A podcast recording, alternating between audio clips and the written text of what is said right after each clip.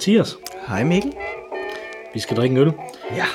Og det er en helt bestemt øl, vi skal drikke i dag, som har noget at gøre med det emne, som vi, som vi har, som vi jo faktisk annoncerede sidste gang. Ja, det må man sige. skyld. Mm. Vi annoncerede jo sidste gang, talte vi om tid, i dag skal vi tale om rum. Ja. Og du har jo valgt øllen. Mm. Ja, Hvor- Hvorfor har du valgt den her øl til det? fordi den hedder jo Rum en Beer. Ja, eller rum and beer, hvis man ikke er helt lige så øh, dad joke, som, øh, som du er i det. ah, men jeg er meget dad joke i det, ja. Det er Rum and Beer, øh, men den er jo valgt, altså det er jo en øl, vi har, vi har, vi har faktisk haft den på, øh, på vores shortliste øh, tidligere. Mm. Øh, øh, nogle af de gange, vi har talt om rejser, fordi det er jo en meget, meget eksotisk øl. Øh, så var den røget af øh, listen, men nu kom den så på, nu er den i spil, og det er den udelukkende, fordi den hedder noget med rum, Ja, og vi skal jo tale om rum. Så. det skal vi. Står bag på, det, den er fra Tisted Bryghus, og den, der står bag på den, at denne barley wine, så den er stærk i sig selv, er langtidslæret i de kolde kældre på bryghuset sammen med egetræ og rosiner udblødt i karibisk rum. Resultatet er en usædvanlig behagelig og fyldig øl, som nydes i små, herlige mundfulde. Herlige Okay. Det lyder nærmest perverst. det gør det.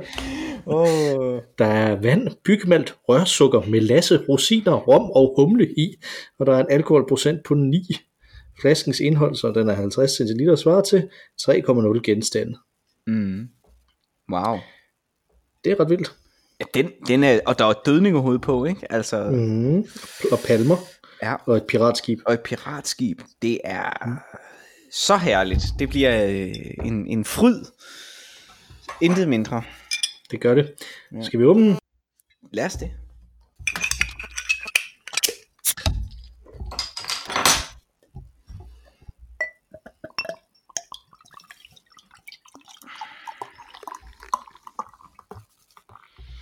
En Jeg barley wine. Det er længe siden, jeg har drukket en barley wine.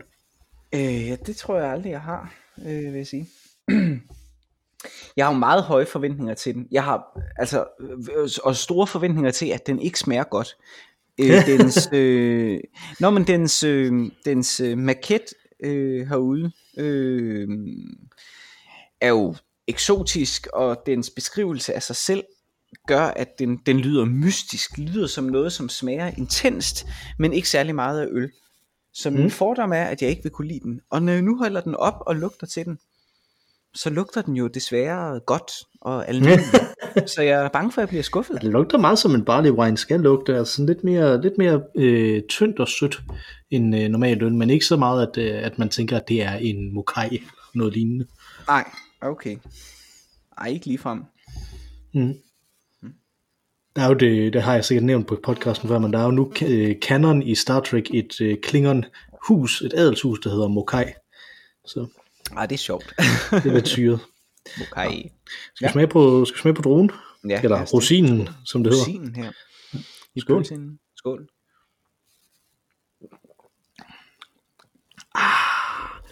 Mm. Jeg kan nu godt lide sådan en barley wine. Den, Den brænder jeg lidt. godt lide. Ja, den gør. Og sådan, den kan jeg øh, virkelig godt lide. i maven. Øhm... Altså... Ja, jeg tror aldrig, jeg har drukket en barley wine før.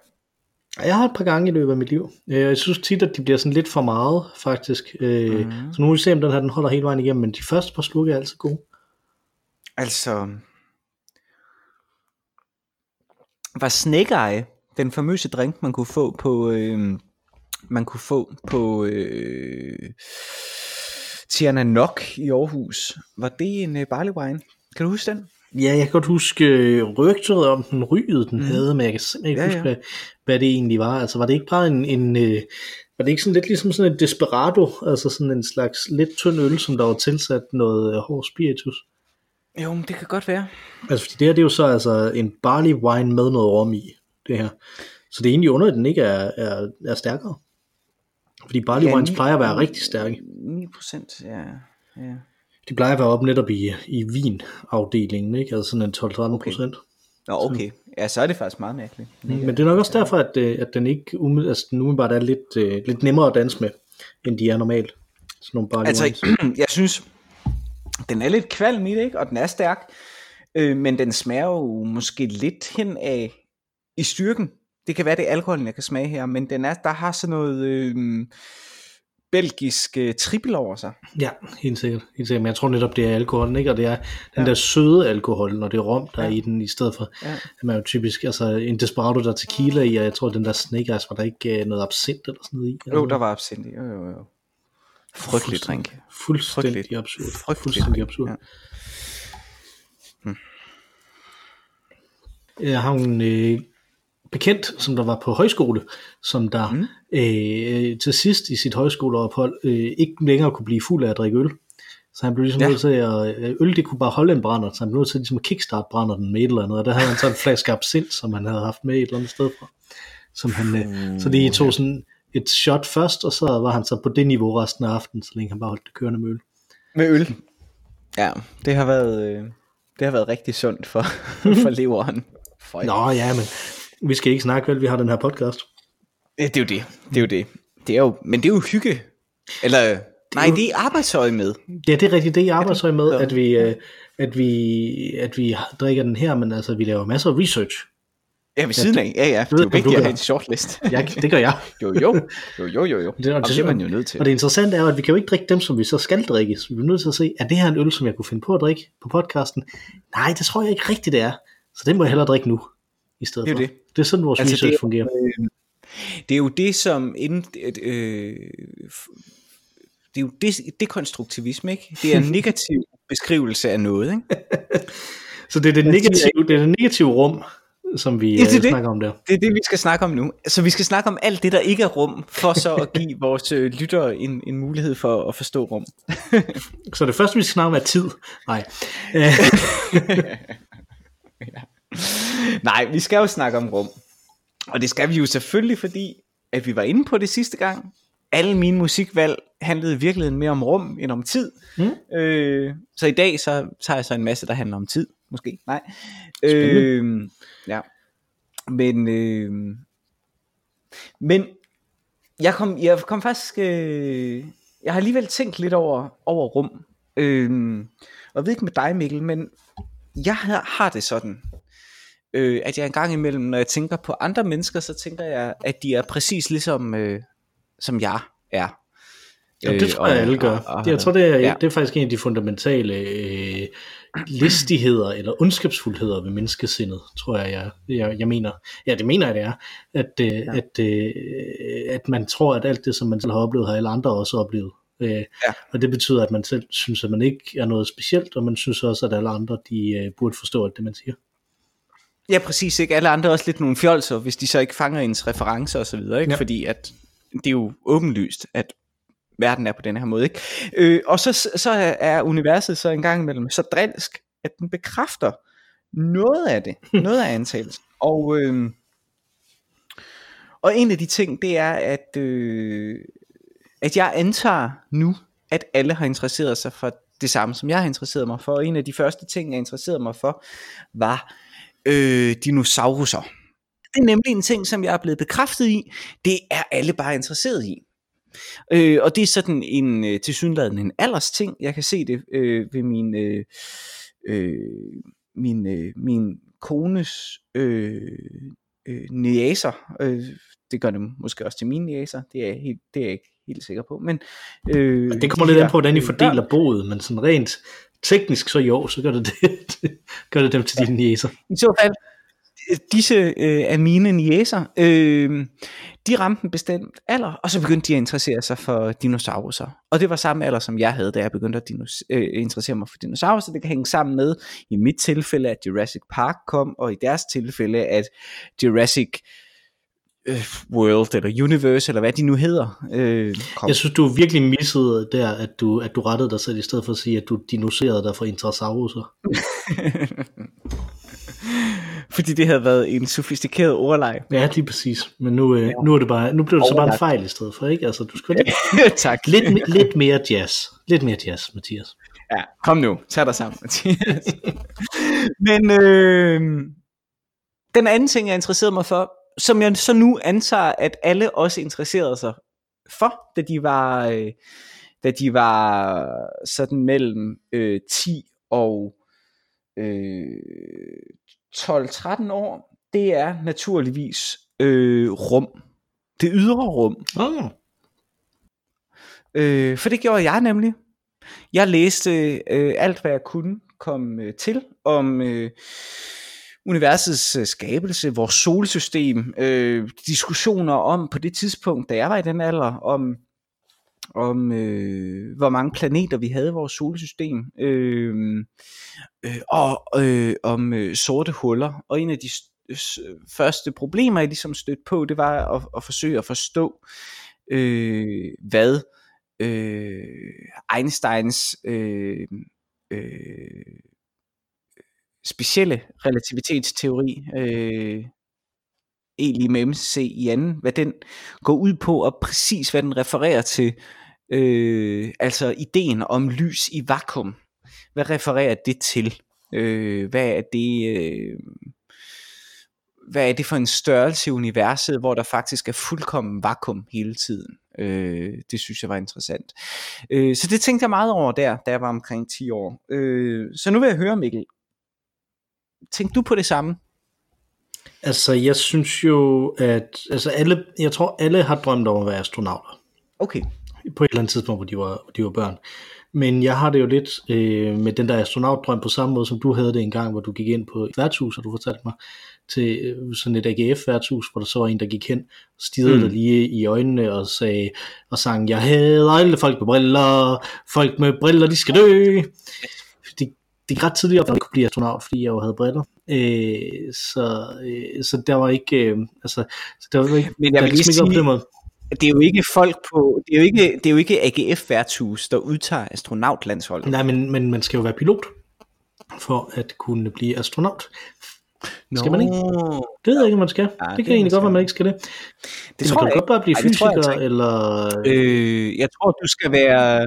Jeg tror, du er fysiker, og så kan du komme med, og, eller også kan du selvfølgelig, du kan selvfølgelig være pilot, ikke? Øh, men jeg tror, mange af dem, mange af dem er jo, er jo fysikere og, øh, og, øh, højt uddannet inden for militæret. Jeg tænker, hvis du var, hvis du nu var jægersoldat, oberstløjtnant i jægerkorpset for eksempel, samtidig med at du var professor øh, eller doktor i øh, kemi eller fysik, så tror jeg, du vil være rimelig godt stillet. Ja, der er ikke så mange, der er det, men... Så det har ligesom været min vej øh, ind i det, men altså jo, jeg var også interesseret øh, i det, og jeg havde også læst nogle af de der populærvidenskabelige bøger, som man havde øh, dengang, øh, dengang vi var børn. Mm, hvad er det, den hedder? Der er sådan en, en nordmand, der skrev en... Øh, mm Øh, der skrev en, som jeg tror, jeg faktisk også øh, har set, du har. At du øh, har din... At kende sandheden, måske? Ja, det ja, tror jeg, det er. Som er en bog, som er sådan en øh, for unge øh, populærvidenskabelige minder utrolig meget om øh, historien om næsten alt. Mm. Øh, af Bill Bryson, mener det er. Som jeg aldrig har fået læst ja. endnu. Jeg har kun læst hans Shakespeare-bog. Øh, altså, man skal jo til hver en tid læse Bill Bryson. Alt, hvad han skriver, er jo vanvittigt godt formidlet. Historien om næsten alt er øh, en rigtig spændende gennemgang af underlige sammentræf øh, i øh, alle de naturvidenskabelige øh, videnskaber øh, fra... Ja. Jeg har øh. begyndt på, den, den hedder en kort historie om næsten alt, og jeg har så i stedet et par gange begyndt på Stephen Hawkings en kort historie om tid, og ikke rigtig kommet ordentligt i gang med det. Oh ja. Så, øh.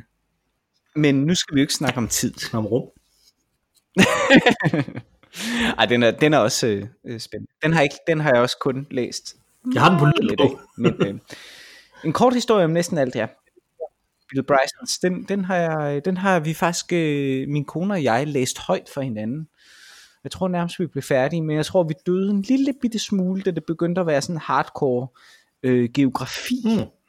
Men det jo ellers rum. Øh, langt ind i bogen. Ja. Også. Geografi er vel også rum. Geografi. I forstand. Ja, hvad er rum? Hvad er rum? Ja, fordi, fordi du gik direkte til det ydre rum her, ikke? og jeg kom til at tænke på, øh, i, øh, på min... Åh, oh, jeg ved faktisk ikke, om det er min... Øh, om det er min kandidatuddannelse på idehistorie, men det er på et eller andet tidspunkt øh, i min, øh, øh, i min idéhistoriekarriere, der fulgte jeg et fag, som der handlede om stedet som begreb. Øh, og det var jo ret ja. interessant, fordi at de øh, engelsksprogede tekster, som vi læste i det fag, øh, refererede til det som spaces. Og det er jo rum. Det er faktisk mm. en af de ting, som vi lavede i, den, øh, i, den, øh, i det kursus, det var, at vi gik vi skulle rundt i byrummet og vise vores egne afgrænsede rum i det oceanske byrum frem for hinanden og kommentere det øh, over for hinanden. Øh, jeg, der er utrolig meget velsmerts i min, øh, øh, i min kommentar øh, til det. Så det var sådan en rigtig, øh, åh, der er noget med en kæreste og sådan noget her. det er det, min, min kone, hun arbejder jo med byrummet. Hun er arkitekt og arbejder med Ja, det er rigtigt. Ja. Så det er en arkitekt, som, det er jo faktisk lidt dekonstruktivistisk, negativ, øh, øh, hvad hedder sådan noget, øh, øh, specifikation, ikke? Altså man arbejder med det, som det, som det ikke er. En arkitekt, der arbejder med alt andet end huse.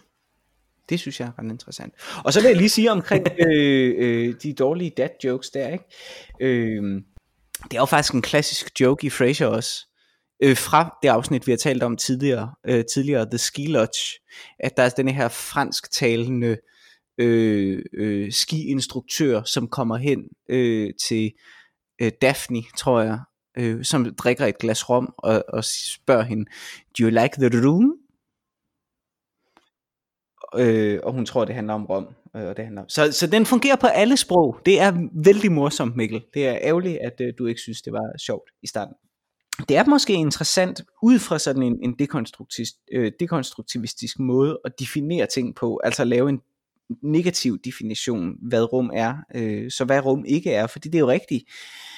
Det kan være øh, steder, altså det kan være rum, øh, som vi kender det på, på dansk, ikke? altså øh, et værelse. Øh, det kan være det, der er afgrænset af et loft og vægge, men det kan også være uendeligheden. Øh, så det, det er jo en svær størrelse at, øh, øh, og, øh, at definere. Øh, men er det i virkeligheden alt det, der ikke er mig, så at sige? Åh, oh, det var interessant, men jeg tror, at man kan, det, jeg tror, man skal huske sin, uh, sin Paul Henningsen, når man, når man tænker på det her, ikke? Fordi at han, han jo snakker om det store, det, det store tomme rum. Ja. Og det er jo det, at, at, at man kalder jo rummet, det ydre rum, for, for rummet, netop fordi det er et tomt rum. Fordi der ikke er andet end, altså der, er, der er ikke noget inde i rummet, der er ikke andet ja. end rummet. Der er ikke andet end det, som øh, en, en omkrans, øh, omkransen af det, hvad, hvad det så end er, hvad omkransen af det uendelige øh, tomme rum mm. er, ikke? Altså, øh, fordi at, at det er jo ikke til fuldstændig, det er jo ikke til at vide, om der er en grænse for, øh, for rummet. Men mindre man til Star Trek, så er der en grænse for rummet. Der er The Final Frontier jo, som de i Star Trek 5 kommer øh, hen på den anden side af det er øh, absolut den eneste Star Trek film, som langt de fleste Star Trek, når der er enige om, ikke tæller med. Øh, så den kan vi ikke, det, og så finder på den anden side, der finder de, øh, der finder de Gud, som har lukket dem der til for at stjæle deres rumskib.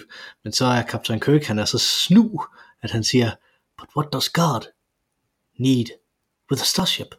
Ja. Yeah. Eller et spaceship, tror jeg faktisk. Det også siger. Jeg tror, det er et spaceship. Hvilket lige i denne her diskussion, som en parentes, vi skal nok vende tilbage til rummet for alle de interesserede, øh, men i denne her øh, diskussion, øh, der mødte jeg øh, nogle mormoner den anden dag, som, som spurgte mig i spørgsmålet, om jeg havde fundet øh, Gud. Øh, og det er altid et overvældende spørgsmål, synes jeg. Øh, hmm. øh, og du svarede ikke bare ja deroppe, tredje til Nej, venstre. og jeg svarede heller ikke, jeg vidste slet ikke, han var blevet væk. øh, det er jokes all around. Men, øh, men jeg svarede befippet, som jeg nu øh, kunne. Når man, det er sjældent, man møder mormoner i Danmark. Øh, så, så jeg var faktisk lidt befippet over det. Og så spurgte, eller så, så jeg svarede bare nej. Øh, og så spurgte de, hvis du nu finder ham, hvad vil du så spørge ham om? og igen var jeg sådan lidt, jeg vidste slet ikke, at jeg havde skyldt ham at få øh, stillet spørgsmål, eller han skyldte mig et svar på et eller andet. Øh, men mens jeg stod og vævede om, hvad jeg skulle sige, så kom jeg til at tænke på øh, på noget, øh, som jeg har læst, som er en af mine yndlingsromaner, som minder rigtig meget om det her Star Trek afsnit. Øh, I hvert fald, som, som du lige berettede det nu, ikke? Øh, og det er, øh, øh, hvad hedder han? Han hedder, øh, ikke Lagerløf, det er Selma Lagerløf, og det er ikke Per Olof Enqvist, det er øh, den store svenske, øh, nå, ja, han har skrevet en bog, der hedder Det evige smil, Det evige leendet, øh, øh, som handler om nogle mennesker, som øh, øh, venter i limbo, venter mellem øh, liv og død, og ikke kan finde øh, ud af, hvad de skal få ventetiden til at gå med. Så de beslutter sig for ligesom at fortælle hinanden historier, og det er alle sammen redselsfulde historier, altså hvor, hvor forfærdeligt det var at mm. leve, og forfærdeligt det var at dø, og nu ligger de bare her i limbo og venter.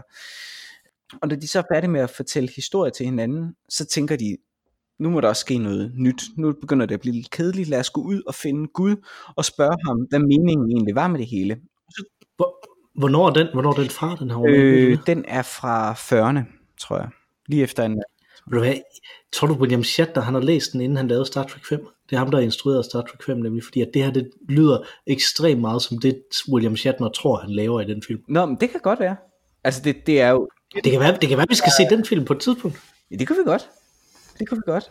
Den hedder, uh, hvad hedder han? Per Lagerqvist. Nu ved jeg. Ja, ja. Øh, jeg, jeg, jeg vil gå ud fra den, at der, det kan også være, den er fra lidt altså tidligere, men jeg vil tro, den er sådan en efterkrigsting, så mit bud vil være øh, øh, slut 40'erne. Det kan også have været efter Første Verdenskrig, det ved jeg ikke, men det er sådan en efterkrigs. Men så i hvert fald før 80'erne. Absolut før 80'erne. Absolut før 80'erne. Nå, øh, og de her mennesker, de sidder så der i det her øh, endeløse tomrum, så at sige. Ikke? Øh, og så mm. går de så ud for at finde Gud, øh, og kan ikke finde ham, øh, og de kommer på en lang rejse, og så ender de så alligevel med at finde en skovhugger, øh, som er i gang med at kløve noget, øh, øh, noget træ. Og så går de hen til ham, og så spørger de, øh, om han har set Gud. Og så siger han, ja ja, det har han da. Hvor Gud er? Nå, men det er mig, der er Gud, siger skovhuggeren. Og så er de sådan, nå, er det dig, der er Gud? Du står der og skovhugger. Ja, ja, det er det, jeg gør. Nå, okay. Og så begynder de så at spørge ham, hvad er, hvad er grunden? Hvad er meningen? Jamen, der, der, er ikke, der er ikke nogen. Øh, og de bliver så frustreret over det der dumme svar. Det kan ikke passe, der ikke er noget. Og de kommer med eksempler. Hvad med stjernerne? Hvad med blomsterne? Hvad med øh, kærligheden? Nej, nej, der er ikke nogen. Og så til sidst, og det er sådan her bogen slutter, så er der så, øh, så er der så en, der træder frem og så og peger på et lille barn, og siger, jamen hvad med børnene? Der må der være en mening med børnene. Og så kigger Gud på manden, og så siger Gud, Nå, men børnene, dem skabte jeg bare, fordi jeg var glad. Og så slutter bogen. Det er så smukt. Og det fortalte jeg så. Det er rigtig Ja, så fortalte jeg det til de her to øh, øh, øh, mormoner. Øh, og så grinede de højt, og så, øh, så spurgte de, om, øh, om jeg nogensinde havde læst Mormons bog.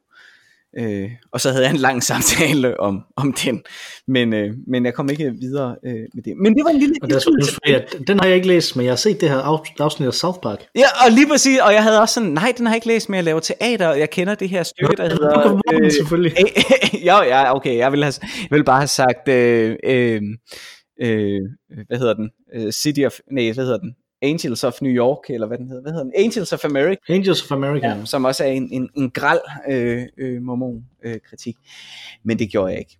Øh, nej, men det jeg vil sige, det var, det lød bare som det, og jeg tror, det har været en reference til det. Øh, og så vil jeg, jeg vende tilbage, og så vil jeg nemlig vende tilbage til det øh, med tomrummet, øh, og det tomme rum, øh, fordi det jo også netop peger på det, at der er også en, Altså hvis man accepterer, at der er noget sådan som en final frontier, øh, eller sådan noget, er der så også noget øh, to the infinity and beyond? Altså er der noget and beyond? Altså er rummet afgrænset? Altså taler vi om øh, det ydre rum, fordi at det er afgrænset? Eller, øh, eller hvad, hvad, hvad, hvad handler det om?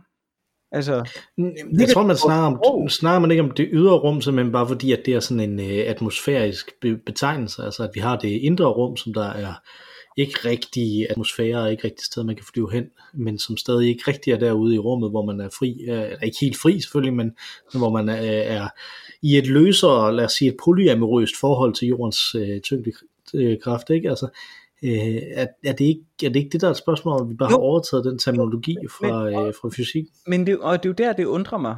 Øh, det danske ord, rum i hvert fald ikke, fordi for mig er ordet rum en afgrænsning af området. Umiddelbart, ikke? Øh... Men du startede alligevel med rummet. Altså det store tomrum. Ja, det er rigtigt.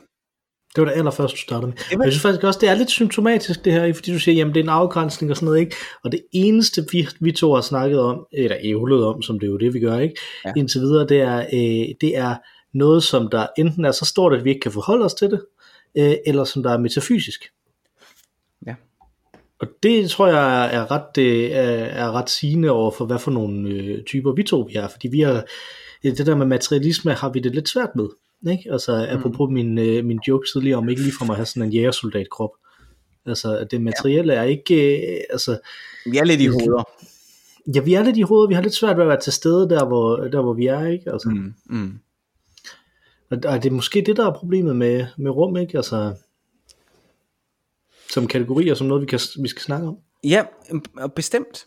Men, vi men jeg synes også, det er spændende. Nej, ja, vi, vi, ja, det er nemlig øh, dansen om den varme brød, men det er også interessant, synes jeg. Fordi at rum måske er en plausibel, altså det store rum, tomheden, det uendel, uendeligheden, er en glimrende øh, guddomssubstitut. Generelt, altså jeg tror for eksempel mange religioner er udsprunget af en øh, betragtning af himmellemernes bevægelse. Ikke? Øh, men jeg tror stadig, den dag i dag, hører man øh, for eksempel folk sige, at øh, nutidens filosofer er øh, astrofysikere. Og astro... Vil man ikke sige hjerneforskere i stedet for? Nej, nej. Nå. Nå. nej. Folk, der beskæftiger sig med øh, spekulativ, spe, spekulativ kvantefysik og den slags. Øh... Men det er fordi, du tænker filosofi udelukkende som epistemologi, og jeg tænker på philosophy of the mind, og det er nærmest totalt ja. overtaget af idéer om hjerneforskning, ikke? Altså, det er derfor, at, at, det, at det store metafysiske spørgsmål, som vi også har dækket tidligere øh, for tiden, det er, er der en sjæl? Hvad er en sjæl? Øh, hvordan kan der findes en sjæl, når jeg ikke kan pege på en sjæl? Jamen det er rigtigt, den del ligger måske derovre, men øh, over i, øh, i, i neo. Øh, Neuro. Vid, vid, neuro. Jeg kan lide neovidenskaben, det lyder som sådan noget, der er med i en cyberpunk-ting. Nej, øh, men, men, det, men det er sandt. Men det, det andet synes jeg altså, øh, det synes jeg altså sådan, de store spørgsmål, og skulle også guddommelige spørgsmål, altså øh, øh, ligger inde under, øh, under kvantefysik slash astro øh, øh, fysik, øh, sådan te- teoretisk øh, astrofysik. Øh, jeg har for eksempel haft fornøjelsen af at, at holde nytår med en teoretisk astrofysiker, øh, som kunne besvare en masse spørgsmål øh, om øh, filosofiske ting. Altså, var det den, var det den nytårsaften, er det noget, jeg har hørt dig fortælle, eller noget, jeg har hørt nogle andre fortælle, hvor, hvor det var en masse folk, som der samledes nytårsaften, og så skulle de have et PowerPoint-show med, der forklarede om, hvad, de, hvad det var, de lavede. Så skulle de have sådan et, sådan et nytårsaften har desværre sådan et, sådan et, sådan et, sådan et 10 slides PowerPoint-show om, hvad det var, de lavede. Det skulle de have med. Det, det har jeg nemlig ellers tænkt kunne være ret interessant at prøve egentlig. Også, også med folk, som man kender ret godt, kunne det være ret spændende egentlig at høre om, ja. hvad er det, der egentlig optager dig, og hvad er det, du laver nu? Altså, altså det, det, dem, jeg holder, øh, dem, jeg holder nytår med, er øh, en øh, self-employed øh, oversætter og alt, alt muligt andet, sådan forfattertype, øh, mm. og mm. en øh, gymnasielærer, og en, en på jobcenter, og en pædagog, og en studerende, øh, og som mig selv. Ikke? Øh, Mm. Mm. Som jeg alle sammen har kendt i 10 år eller, eller mere, ikke? Altså, øh, Mm. Og det kunne faktisk være lidt skægt at prøve at, at netop tage sådan en, jamen, hvad er det egentlig, du laver nu, ikke? Altså, så. Jo, og komme ned Mm. i det.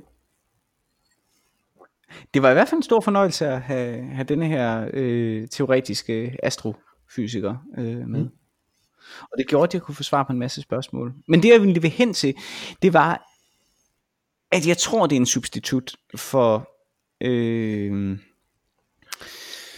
for en teologisk øh, længsel i mange mennesker. Øh, der er mange for eksempel, der har beskrevet Inger Christensens Sommerfugldalen for eksempel, som et øh, som et øh, credo øh, for ateister. Ah.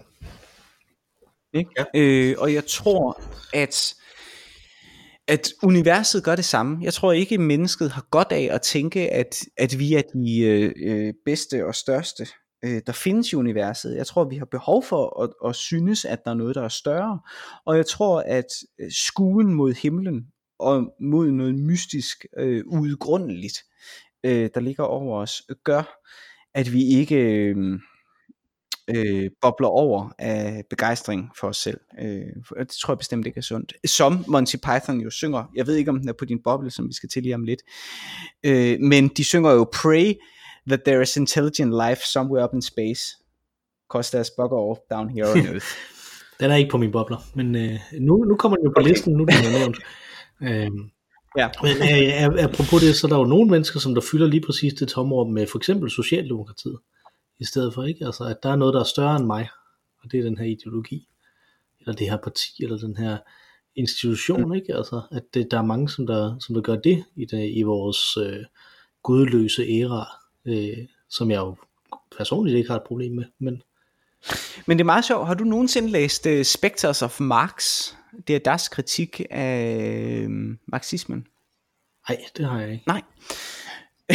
Nej. Øh, men den er, ret, den er ret interessant, fordi at øh, det er der, han, nær, øh, han har ret meget øh, sympati øh, for, for marxismen. Øh, Jeg tror i virkeligheden også, det er en kritik af Louis Althusser's særlige tolkning af øh, marxismen. Øh, Altså det er Husserl, du siger Husserl, ikke? nej, nej, nej. Althusser hedder han. Okay, yes, Althusser. Franskmand, Althusser. Ja. Louis Althusser. Fransk øh, Max. Ja, jamen, det er simpelthen, det, det er fordi, igen, jeg kommer fra den der idehistoriske tradition, hvor alt bliver udtalt på tysk. Ah, okay, ja. Men det er ikke... Det er ikke Herr Derrida. Ja. ja okay, ja. ja. Nej, men øh, han læser det her, og det er egentlig en meget sympatisk kritik, men problemet er, at vi som mennesker har en tendens til nemlig at have sådan nogle øh, epistem, øh, epistemologiske endeligheder, som vi hele tiden øh, jeg tror han kalder det bundpropper, som om det var et badekar, så kommer der sådan en, en prop, mm. som ligesom holder det hele oppe. Og det kunne vi kalde Gud. Så bliver al vores mening og al vores forståelse af verden ligesom holdt fast af den her prop. Og så kan du trække proppen op en gang imellem, og så forsvinder Gud ud af systemet. Men så kan det være, der kommer noget, som hedder marxisme, og, og, og så videre, og så videre. Ja, øh, sådan ser jeg det slet ikke. Sådan ser jeg slet ikke uh, Gud. Jeg har faktisk, jeg har engang i en, uh, i en bar i Barcelona, tror jeg, forfærdet nogle af mine kolleger ved at hævde, at man kunne tænke meget friere dengang i middelalderen, fordi at der gik man bare ud fra, at Gud eksisterede, og så var der en ramme, og inden for den ramme, så kunne man tænke meget mere konstruktivt og meget mere frit. Og jeg tror lidt, det, det er lidt det, jeg tænker, de store fortællinger gør, det er, at det giver os en ramme, som vi kan tænke indenfor. Og ikke, øh, jeg, jeg kan bedre lide det billede, end jeg kan lide det andet øh, billede, altså at, at det, det, er, det afgrænser et rum, og inden for det her rum, der kan vi, der kan vi bevæge tanken rundt, og, og, finde, og finde forskellige ting, men, mm. men jo ikke, altså nu sidder jeg i stuen lige nu, øh, og hvis vi siger, at Gud afgrænser stuen, så kan jeg ikke gå ud i køkkenet og finde en håndpisker. Øh, den kan jeg ikke tænke, den kan ikke lade sig gøre for mig at tænke, når jeg, når jeg bare går ud fra, at Gud eksisterer, så findes håndpiskeren ikke. Nej. Øh, så altså, altså det, er sådan, det er sådan, jeg tænker på, på Gud mere end, end sådan en stopper for, øh, for de her ting. øh, Det er meget smukt. tak, tak skal du have. Ja, jamen, det er meget smukt. Øh, Det var, bare, det var nu, nu, jeg synes, det ramte direkte ind i et billede, jeg selv har brugt. Så. Jamen, og det er meget interessant. Øh, jeg tror, jeg er helt uenig. Og, og, og, og, og, og jeg vil til en anden god gang så sige, hvad, hvad gør vi så, hvis billedet, hvis vores metaforiske billede er en definition af det uendelige rum? Øh, hvad gør man så? Altså, Mm. men det behøver vi ikke svare på nu. Nej, men nu, skønne, men nu, siger du, nu siger du uendeligt, ikke? Altså, og du, og du siger også der med, at man kan have Gud som den her prop på et tidspunkt, så kan der være noget andet, der er det øh, som en prop på et andet tidspunkt. Jeg tror, det her det peger lidt på, at vi bliver nødt til at have et tredje emne i den her serie. som er. Rumtid. Uh. Ja, det skal vi have. Men det bliver ikke næste gang. Det Lige om lidt det skal vi have vores men det bliver ikke næste gang. Nej, vi kan nemlig lige annoncere, hvad det, hvad det bliver næste gang, fordi næste gang der, øh, øh, hvis, øh, trofaste lyttere vil huske, at vi i øh, episode 32, s- øh, der øh, lavede vi simpelthen et kommentarspor til Iron Man 1-filmen, øh, som vi havde diskuteret rigtig meget op til det punkt, og vi stadig diskuterer, nu diskuterer vi det bare offline i stedet for. Ja. Øh, og, øh, øh, og der lavede vi ligesom det her, øh, den her ting. Og grunden til, at vi valgte 32, det er fordi 32, det er den alder, som han solo har i den første Star Wars film, han er med i. Nemlig mm. Den, som der retrospektivt blev kendt som episode 4 af New Hope.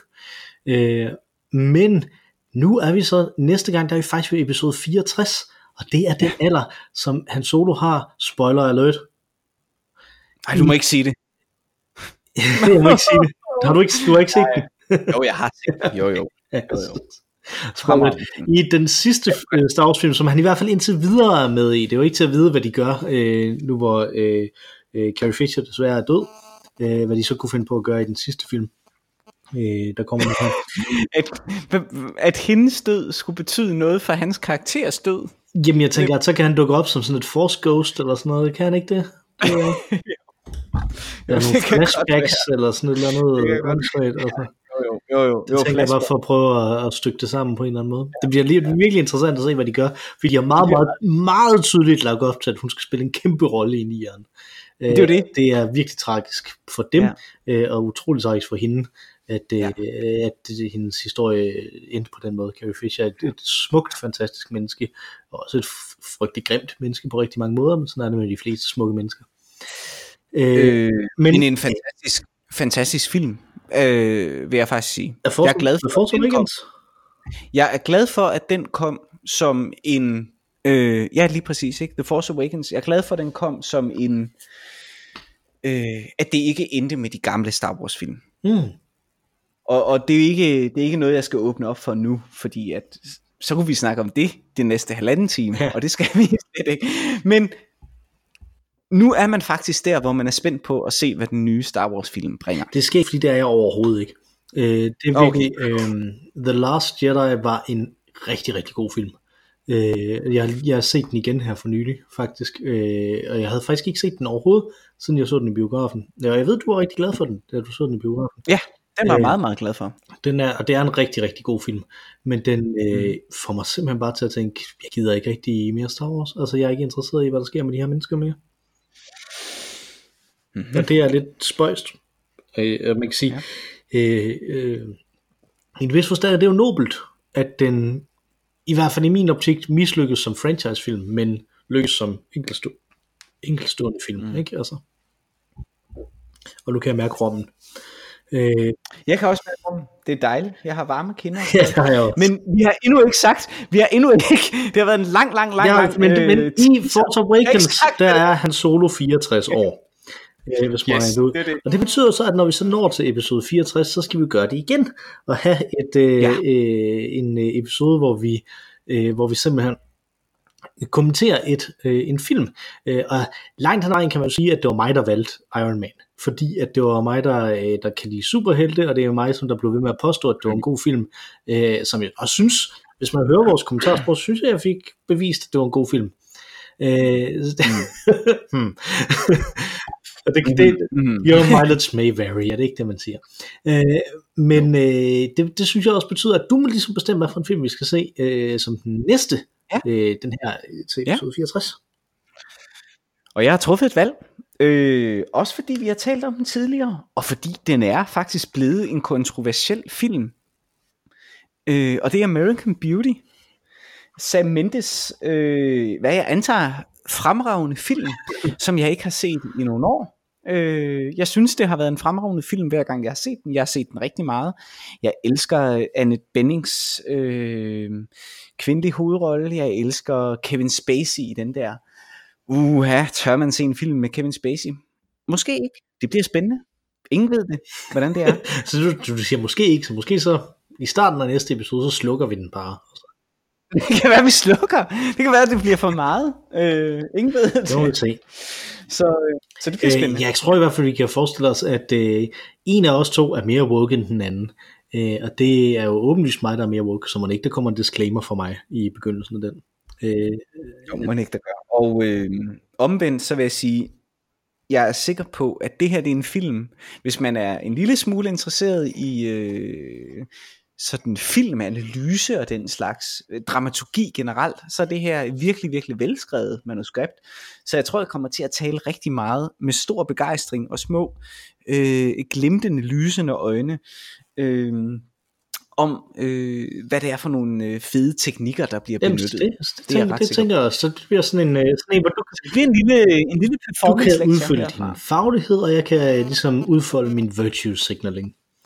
Øh, og sådan, så det bliver, det, det bliver en god episode, det er jeg sikker på. Øh, så det bliver en lidt mm. speciel episode næste gang i episode 64. Men den her gang, der har vi jo forsøgt at tale om rum. Det lykkedes ikke rigtigt, men vi prøvede. Øh, vi har talt om alt andet. ja, og alt negative space, som vi har øh, name-checked ja. et par gange. Øh, men vi har også øh, nogle sange om rum. Og øh, mm. det er dig, der har serveretten. Tre sange om rum. Eller jeg, jeg, har, øh, jeg har tre bobler også. Uh, altså jeg har, jeg har faktisk ikke rigtig valgt nogle bobler, fordi at, så var jeg over i sådan noget, nu siger jeg den, så nu kan den komme på alligevel. øh, Spaceman. Ja. Kan du huske den frygtelige, frygtelige sang? Ja. ja. Så den kan komme på. Nu er den sagt. Nu er den ude. Hvem, hvem lavede den? Ja.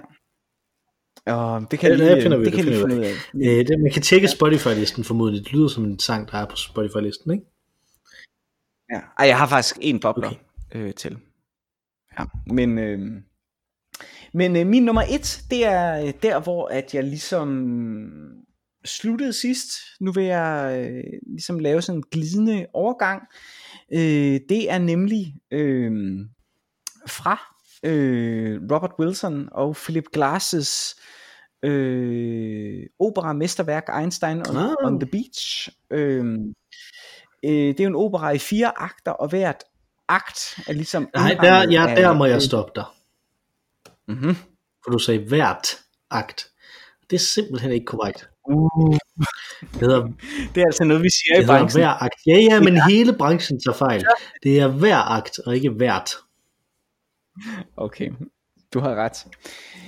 Det sjove er, at jeg siger et akt, men jeg siger anden akt. Ja, det er ret syret, det må man sige. Det må du prøve at forklare ja. til mit hamster. Oh, yes. Jeg troede, du havde kanin, men uh, fair nok. Jamen, det, der er ingen, der tvivl om, at en kanin er. okay. Nej. Men, øh, Philip Glass, Einstein on the Beach. Philip Glass, øh, en opera i fire akter, og øh, mellem hver akt er der det, som som Philip Glass og Robert Wilson øh, kalder et knee play, som er en slags intermezzo. Og det vi nu skal høre, det er knee play øh, 1, altså åbningsintermezzoet. Det er en slags overture nærmest, øh, som sætter hele tonen an. Og hvis I kan huske noget af det, som jeg fortalte i sidste uge om Philip Glass' musik, udfoldes det bare endnu mere her. Det er et øh, polyfonisk, kakafonisk stemmekor af tal og hi- to øh, identiske overlappende historier, som udfolder øh, sig på hinanden undervejs. Det er meget mystisk øh, og samtidig helt vildt fedt. Det er en øh, en øh, ouverture, som går i skiftevis fire fjerdedele, øh, seks fjerdedele og syv 8. tror jeg. Noget af den stil i hvert fald. Men øh, de tæller undervejs, så man er ikke i tvivl. Det er meget fedt. Det kommer her.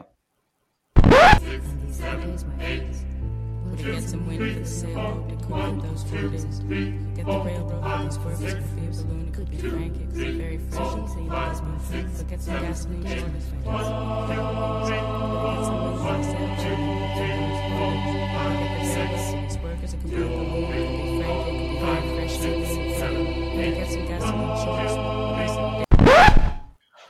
7 8. dele. Jeg synes at 7 8. del har altid slået mig som sådan en lidt uambitiøs tone, ja. eller sådan takt. Det er aldrig rigtigt. Fordi at, at hvorfor ikke Hvorfor ikke tage den sidste? 2, 3, 4, 5, 6, 7, hvad? Nej, men det gode er jo, at man lige kan... Lever du endnu? Lever du endnu? 1, 2, 3, 4, 5, 6, 7. Og så kan du lige løfte. Jamen, fedt. Men lyt lige til, hvordan de gør her, fordi her hopper de lige to år over på et tidspunkt. Det er rigtig fedt. De tæller hele vejen mm. igen. Fantastisk. Mm. Jeg er jo i, øh, som sædvanligt i øh, min modus med popsange, ja. øh, og, eller popsange og, øh, og country-sange. Jeg har to country-sange på min, øh, på min liste den her gang. Øh, men den første er en popsang, som er fra øh, den gang, hvor jeg var teenager. Mm. Øh, og jeg ved ikke, om den er derfra egentlig, men øh, dengang jeg var teenager, der var der jo den film, som lavede High Fidelity, eller High Fidelity, øh, som, øh, som jo... Øh, Jylland, det hed High Fidelity. High Fidelity. Ja, det var, det var meget det var den jyske måde at udtale High Fidelity på. Øh, øh, og den øh, handler om John Cusack, som der har en plade øh, forretning, øh, og som der så er forelsket i Iben Jejle. Øh, mm. og måske er han forelsket i Iben Jejle, måske er han ikke. Men det der er væsentligt, det er, at han hører en masse fed musik imens, fordi det gør man selvfølgelig, når man bor i en pladebutik. Mm. Øh, og jeg bor i den, jo, det føles det i filmen, ikke? Altså på rum, ikke? Altså at, at det føles som om det her det er det rum, han er hjemme i, det er hans, det er hans pladebutik. Men der er der nemlig en sang, som der hedder Fallen for You af Sheila mm. Nicholas. Mm-hmm. Øh, og nej, Sheila Nichols, ikke Sheila Nicholas. Mm. Nå, øh, men øh, det er sådan en sang, som jeg øh, simpelthen dels er, øh, er totalt forelsket i, fordi at den har nemlig den her rummelighed i sig, ikke? Altså, øh, og den har det relativt tilfældigt, fordi den på et tidspunkt primært for rime, tror jeg, øh, synger om øh, Walking Round the Guggenheim, øh, og det betyder, at der ligesom er en rummelighed i teksten, men der er bare også et eller andet i den måde, som, som melodien er, øh, er indrettet på, og musikken er indrettet på, som der er, øh, som der er en vis rummelighed i. Så jeg er øh, dybt forelsket i den her sang. Øh, det som der øh, øh, formodentlig vil, vil blive ved mig indtil min, øh, indtil min dødsdag, det er at jeg jo øh, spillede okay. den så til, øh, til fester. Jeg har ikke selv sunget den, men jeg har spillet den til fester, øh, dengang, hvor jeg var teenager, øh, lige før, og da jeg var i gymnasiet. Øh, og der var der nemlig nogle af pigerne i min gymnasieklasse, som der gik totalt amok over den. Og den er sådan en powerballade, ikke? Øh, og øh, jo ældre jeg bliver, jo mere øh, som mine frontallapper ligesom lukker sig sammen, når jeg bliver et velfungerende menneske, øh, i stedet for bare sådan en mm. teenage-dreng. Så jo, jo mere det sker, jo mere begynder jeg at tænke over, kan jeg vide, om de egentlig tog pis på mig? Øh, når de synes, at når de sagde, at det var sådan en god sang, og de sang med på den og den slags. Eller flyttede med dig. Altså, det er, jo det noget, er jeg fuldstændig sikker på, at de ikke gjorde. Nå, okay. Nej, fordi det, er lige det, er præcis noget, som jeg, ah, men det er noget, som jeg faktisk er begyndt at tænke meget mere over. Situationer, som jeg har antaget var, hvad skete der der situationer? Så er jeg begyndt at komme sådan dertil, at det kunne være, at de faktisk flyttede med mig. Og det kan ja. også godt være, at det er selvtrøst jeg har meget på fornemmelsen, at det her det bliver, når vi kommer til Øl sæson 32, The Incel Season, at vi skal snakke omkring det her. Øh, men øh, det er så sjovt. ja, det bliver rigtig sjovt. Så vi er, virkelig, virkelig mundt af sæson. Ja, lige Incel and other regrets. Øh, men, øh, eller regrets. Så, ja. hvorfor, hvorfor siger folk regrets nu, når den der findes, der, når det meme findes, altså no regrets tatoveringen. Hvorfor siger folk så ikke bare hele tiden no regrets, I have no regrets? Nå. Ja, det er ret uh, Fall for You, uh, en glimrende popsang, uh, som der ikke er mere end det, men som, der, som det lykkes med at skabe en fornemmelse af rum. Fallen for you, did you ever see me watching from periphery? I was playing another game. I hoped you'd catch on all the same. Falling from view, did you ever touch me? Floating through your potpourri. Jamen øh, fedt.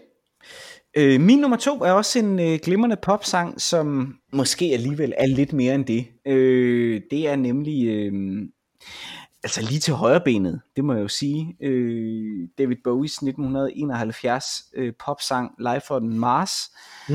øh, begynder med de vidunderlige sætninger, øh, eller den vidunderlige sætning her, som, øh, som indrammer noget af det, vi har været inde på øh, i løbet af dag, den starter med, It's a god awful small affair. Det er første sætning. Ja. Er det ikke smukt? Det er det. Det er fandme en god start på en sang. Men det kunne han jo. Øh, det var i hans cut-up periode, det her, ikke?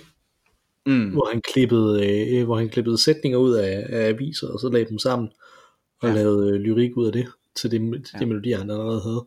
Men øh, og det er sådan noget, hvor man så tænker bagefter, ja, ja, ja, han var bare på stoffer, og det var bare tilfældigt, men det er jo hele redigeringsakten, der så er det kunstneriske, ikke? og det er det, man virkelig kan mærke i en sang som den der, ikke? Altså, øh, hvor mm. Fantastisk det passer storladenheden til de her ord, og lydligheden i de ord, som der, øh, som der er i det. Og det er også derfor, det bliver så øh, mærkeligt, så sindssygt underligt, når folk så bruger det meget bogstaveligt. Ikke? Altså der er den her Watchmen-tegne, øh, ikke? som der nu er blevet mm. til en serie på HBO, hvor i traileren, der bruger de nemlig Life on Mars, øh, som, øh, som en, af, en af de ting, som de spiller der, hvilket ikke giver super meget mening, fordi at den foregår nu. Så hvorfor spille 70'er musik til nu? Bare fordi at folk de tænker, Watchmen, det er dengang. Mm. Nå, anyway. Øh, Nå, det, det der, øh, ja. Nå, ja det, det der så er i det, ikke? Altså, så, så synger han jo i den der, take a look at the lawman beating up the wrong guy, øh, hvor der så er billeder af en lawman, der tæver den forkerte. Mm. Øh, og det, altså det, det er netop det, der ikke er meningen med musikken. altså, øh, ikke at, altså, jeg har ikke et stort problem med det, men det er bare sådan lidt, okay, det, det du viser mig nu er, at du ikke helt forstår David Bowie som sådan et kunstnerisk projekt. Mm når du klipper det sammen på den her måde, ikke? Altså, det er, det er fint nok, Hvordan har du det så med, øh, fordi det er jo øh, ekle- eklektisk øh, kunst, ikke? Netop, at man, man mm. stjæler her og derfra, og så samler man det sammen. I øvrigt, øh, akkorderne han, har han vist, så vidt jeg ved, stjålet øh, fra en eller anden øh, Frank Sinatra-sang, som han var vanvittig. Han havde åbenbart skrevet en sang til Frank Sinatra, som Sinatra afviste, og så tog han akkorderne derfra, og så øh, lavede han sin egen sang, og så lavede Sinatra den alligevel, eller sådan. Der er en eller anden historie om det. Men, øh, men kan du huske afslutningen på Dogville, hvor at der er de her øh, amerikanske billeder, som de hedder, altså de her, øh, hvad hedder han, Jakob Holst, billeder. Hedder han ikke det? En stor dansk øh, øh, Holt. Ja, Holt. Ja. Øh, ja, Jakob Holt. Øh, han har de her USA-billeder, som så kører, og der bliver sunget i den sang, det er nemlig en David Bowie-sang, det slutter af med, øh, Young Americans, øh, hvor han synger, øh, om øh, en masse unge amerikanere, og man ser en masse billeder af fattigdom, og så bliver der så sunget, Do you remember our President Nixon? Og i den første film i den her USA's øh, trilogi, Dogville, der ser man så et billede af præsident Nixon. Og i den anden film, den der hedder Mandalay, trilogien blev aldrig lavet, men den anden film, den der hedder Mandalay, der bliver der så sunget, Do you remember our President Nixon? Og så ser man et billede af George Bush, og, og for mig var det mm. i sig selv katarsisk. Altså virkelig sådan, øhm, og det er så svært at beskrive den følelse af katarsis, ikke? men ja. intellektuel tilfredsstillelse ved at se Okay. det der, ikke? Øh, og det var netop... Det er Det er virkelig, virkelig sådan en ting også, fordi den er der jo bare ikke mere, den katarsis, den kan man ikke, den kan man ikke komme til nu, fordi Trump eksisterer. Og det vil du stadig kunne, hvis, hvis Lars von Trier lavede en... Den, hvis Lars von Trier lavede... Det vil jeg op, hvis Lars von Trier er lytter af den her podcast, så vil jeg opfordre dig til 30 lyttere, at færdiggøre, mange nu har. så vil jeg opfordre dig til at færdiggøre din USA-trilogi, og så lave et billede på den øh, sætning, der hedder, Do you remember øh, President Nixon, og så put Donald Trump ind. Så vil jeg være tilfreds. Jeg tror, det kan lade sig gøre. Det tror jeg ikke kan lade sig gøre, fordi at, at det at have Trump er sådan lidt for politisk korrekt til, øh, til trierne, ikke? Jo, det er rigtigt. Så tag et billede af Joe Bidens søn ind, eller et eller andet. jeg synes, nu bliver det dagsaktuelt, Ja, det det, kan være, det, her, det bliver klippet ud, men, øh, men det, det, at, det at Donald Trump Jr. rejser rundt i talkshows og siger, at det er så frygteligt med Joe Bidens søn, som bare får så mange penge ud af, at hans far var vicepræsident, det er, det er så morsomt. Oh, det er virkelig sjovt. Og det, altså, det, er, simpelthen- det er helt utroligt, altså, hvor- hvordan mennesker ingen selvindsigt har. Altså, det er helt vildt. To the silver screen.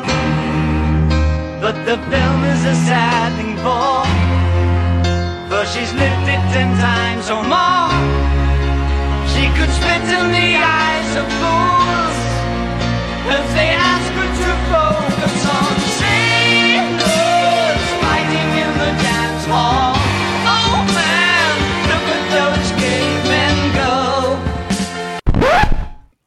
Nå, Det var min nummer to. Life on Mars. og øh, min nummer to, der skal vi til en af de store sangerinder, Patsy Cline.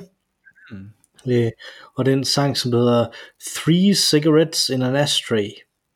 Øh, som øh, har den der, there were two cigarettes in an ashtray, øh, og så er det hende og hendes kæreste, der sidder i en small café, øh, og så sker der ligesom det, at der kommer tre cigaretter i det her, øh, øh, i den her, i det her askebær, øh, og det betyder så, at der er en, som der kommer og tager hendes kæreste væk fra hende, og så sidder hun der, now I have one cigarette, burning on, ikke? Altså, til sidst, øh, og, øh, og det jeg godt kan lide der, det er, at det skaber den her enormt fysiske fornemmelse, det som vi har talt os udenom hele vejen igennem den her podcast, altså den her fornemmelse af et totalt fysisk øh, rum, som der, øh, som der, øh, som der fuldstændig overtager, hvordan man har det, og som der bliver et metafor for, hvordan øh, ens øh, psyke er, ikke? Altså, øh, lige præcis øh, lige præcis det her rum ikke?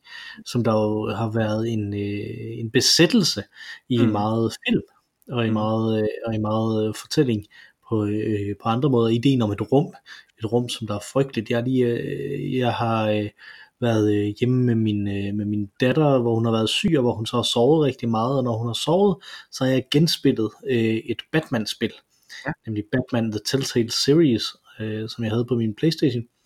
Øh, så jeg genspillet det, øh, og der er hele, øh, hele sådan den følelsesmæssige øh, øh, anker, eller det følelsesmæssige anker i det er, at man opdager et rum, hvor der er sket nogle forfærdelige ting i. Ikke? Altså, og det er i den grad sådan en ting, som der hænger ved i, i amerikansk historiefortælling. Øh, rigtig meget det her med rum, som der sker forfærdelige ting. i. Mm. Øh, også noget, som jeg har snakket om tidligere i forhold til, øh, i forhold til øh, øh, holocaust, ikke? Altså, øh, den her idé om, at rum, de kan have de her, øh, den her fysikalitet, som der går ind i ens sind. Og det her, det er en relativt harmløs måde at beskrive det på, øh, en Patsy Klein sang, ikke? men den har den her skalpelagtige øh, skæringsmekanisme, øh, som en country sang har, at den virkelig går ind og fortæller, hvad er det, der er ved det her rum, som der, øh, som der fuldstændig fucker mig op. Ikke? I watched her take him from me.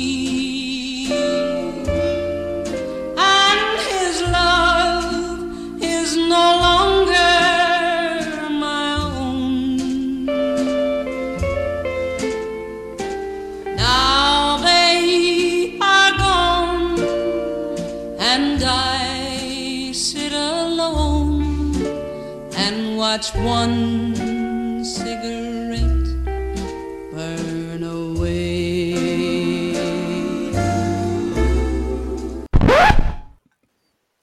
Mm. En klassisk øh, stort, et stort værk, vil okay. jeg sige. Mm. Øh, min nummer tre. Øh, jamen, det er jo livet af landevejen. Du beskæftigede dig med det metaforiske. Jeg beskæftiger mig med her det metafysiske. Øh, The Beatles Across the Universe. Øh, en sang om øh, rum og at flyde ud i rummet, men jo i virkeligheden en sang øh, om øh, Gud.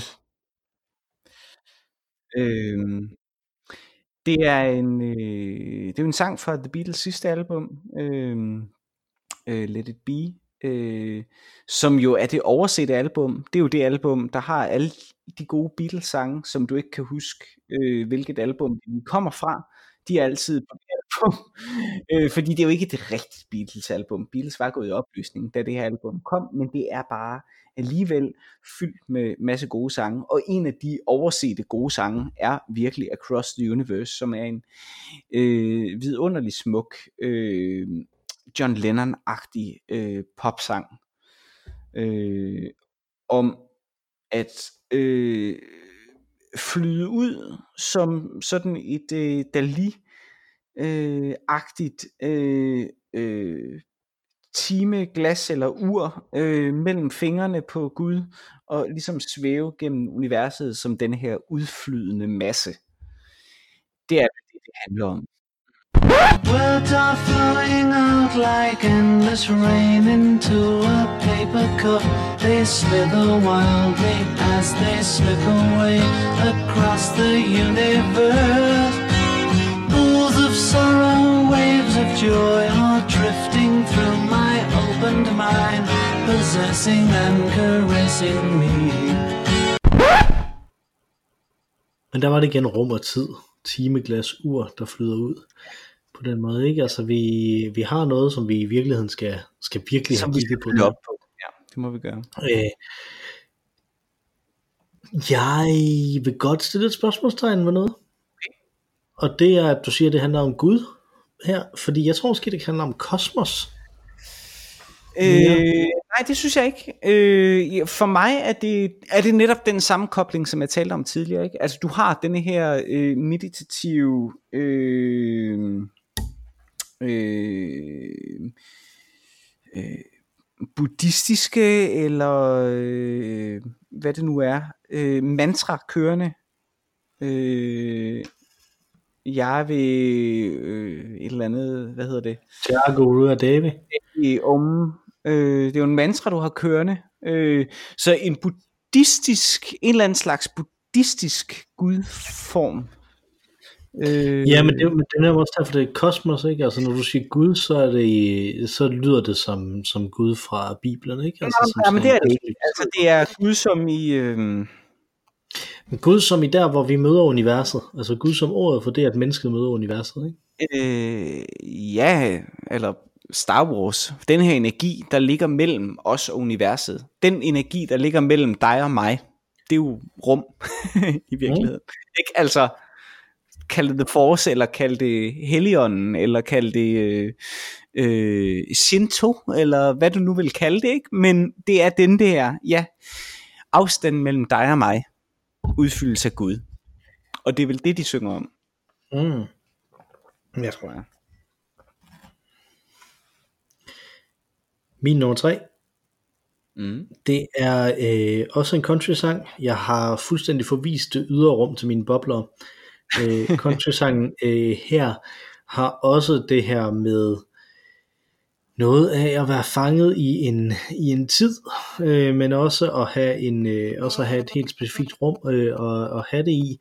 Det er Roseanne Cashes sang The Sunken Lands, mm. som handler om hendes øh, øh, bedstemor, Mhm. som, øh, som jo blev, øh, som jo ligesom kom hen til, til The Sunken Lands, som er et, øh, som er sådan et sted, hvor folk de kunne komme hen og få et sted at, øh, at arbejde og bo under øh, præsident Roosevelts øh, nummer to øh, af Roosevelternes øh, New Deal, hvor man ligesom kunne få lov til at få øh, kunne få et sted, hvis man var fuldstændig fattig, så kunne man få, få lov til at få et sted, hvor man blev relokeret hen og kunne arbejde, ikke? Altså så ligesom prøve at øh, get yourself up by the bootstraps.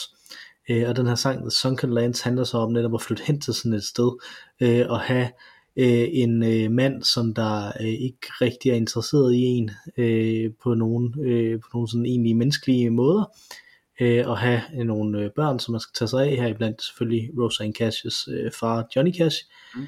øh, og øh, så også øh, skulle prøve at få det her til at, øh, at hænge sammen, det her, øh, det her liv og det her sted.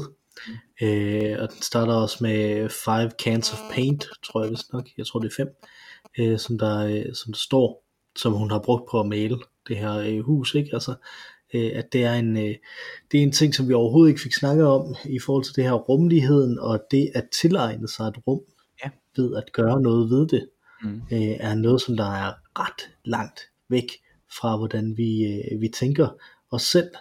Øh, Five Cans of Paint, hun havde ikke købt noget maling for at, at designe sit rum. Hun var ikke en, en interior designer, og sådan ligesom brød om det her over, det er rigtig godt, og det her det er rigtig eklektisk, og det her det passer godt sådan feng shui-agtigt, og jeg tænker meget på det negative rum. Nej, det skulle bare males, fordi så holdt det længere, ikke? Altså, øh, fordi det var et nyt, øh, et nyt hus, mm. som Mm. hun øh, flyttede ind i, som der havde den, den funktion, at de kunne bo der, ikke?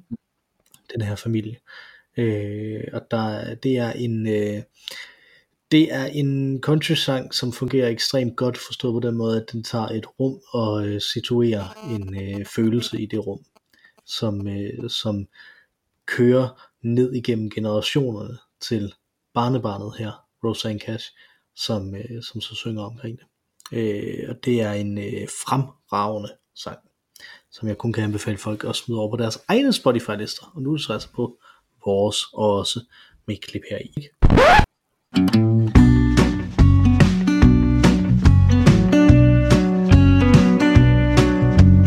Five cans of paint in the empty fields, and the dust reveals. Fedt. Det glæder mig til at høre. Fedt. Øh, min ene boble her, øh, 1992 sang, også en country sang, R.E.M's Man on the Moon. Og jeg har tre bobler. Øh, rummet, og så selvfølgelig en, jeg ikke kan komme ud om. Ballad of a Thin Man af Bob Dylan. Uh. Jabba Flow af J.J. Abrams og Lin-Manuel Miranda. Okay. Det er J. Abrams. Og- Ja, det er meget sket. Ja. Ja. Øh, og Star Trek The Next Generation temaet af Alexander Courage. Okay. Så så har vi, så har vi rummet øh, med i det også. Det er rigtigt, det var godt. Og så i mellemtiden har jeg lige fundet ud af, det øh, erkender jeg, øh, at jeg lige har slået er op. researcher. Spaceman, Spaceman af Babylon Zoo. Babylon Zoo. Vi kender sangen, når vi hører den. Den var ikke god. Så du synes, at den skal på vores liste? Du behøver ikke tage den Nej, vi på. tager den ikke på listen. Vi tager den ikke på listen, men uh, Spaceman og Babylon Zoo, hvis man selv vil finde.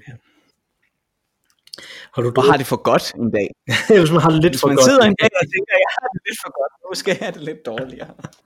Har du drukket din øl, Mathias? Næsten. Jeg tager det sidste rom nu her. Hvad synes du om den så, når du, nu du, du har drukket den hele vejen igennem?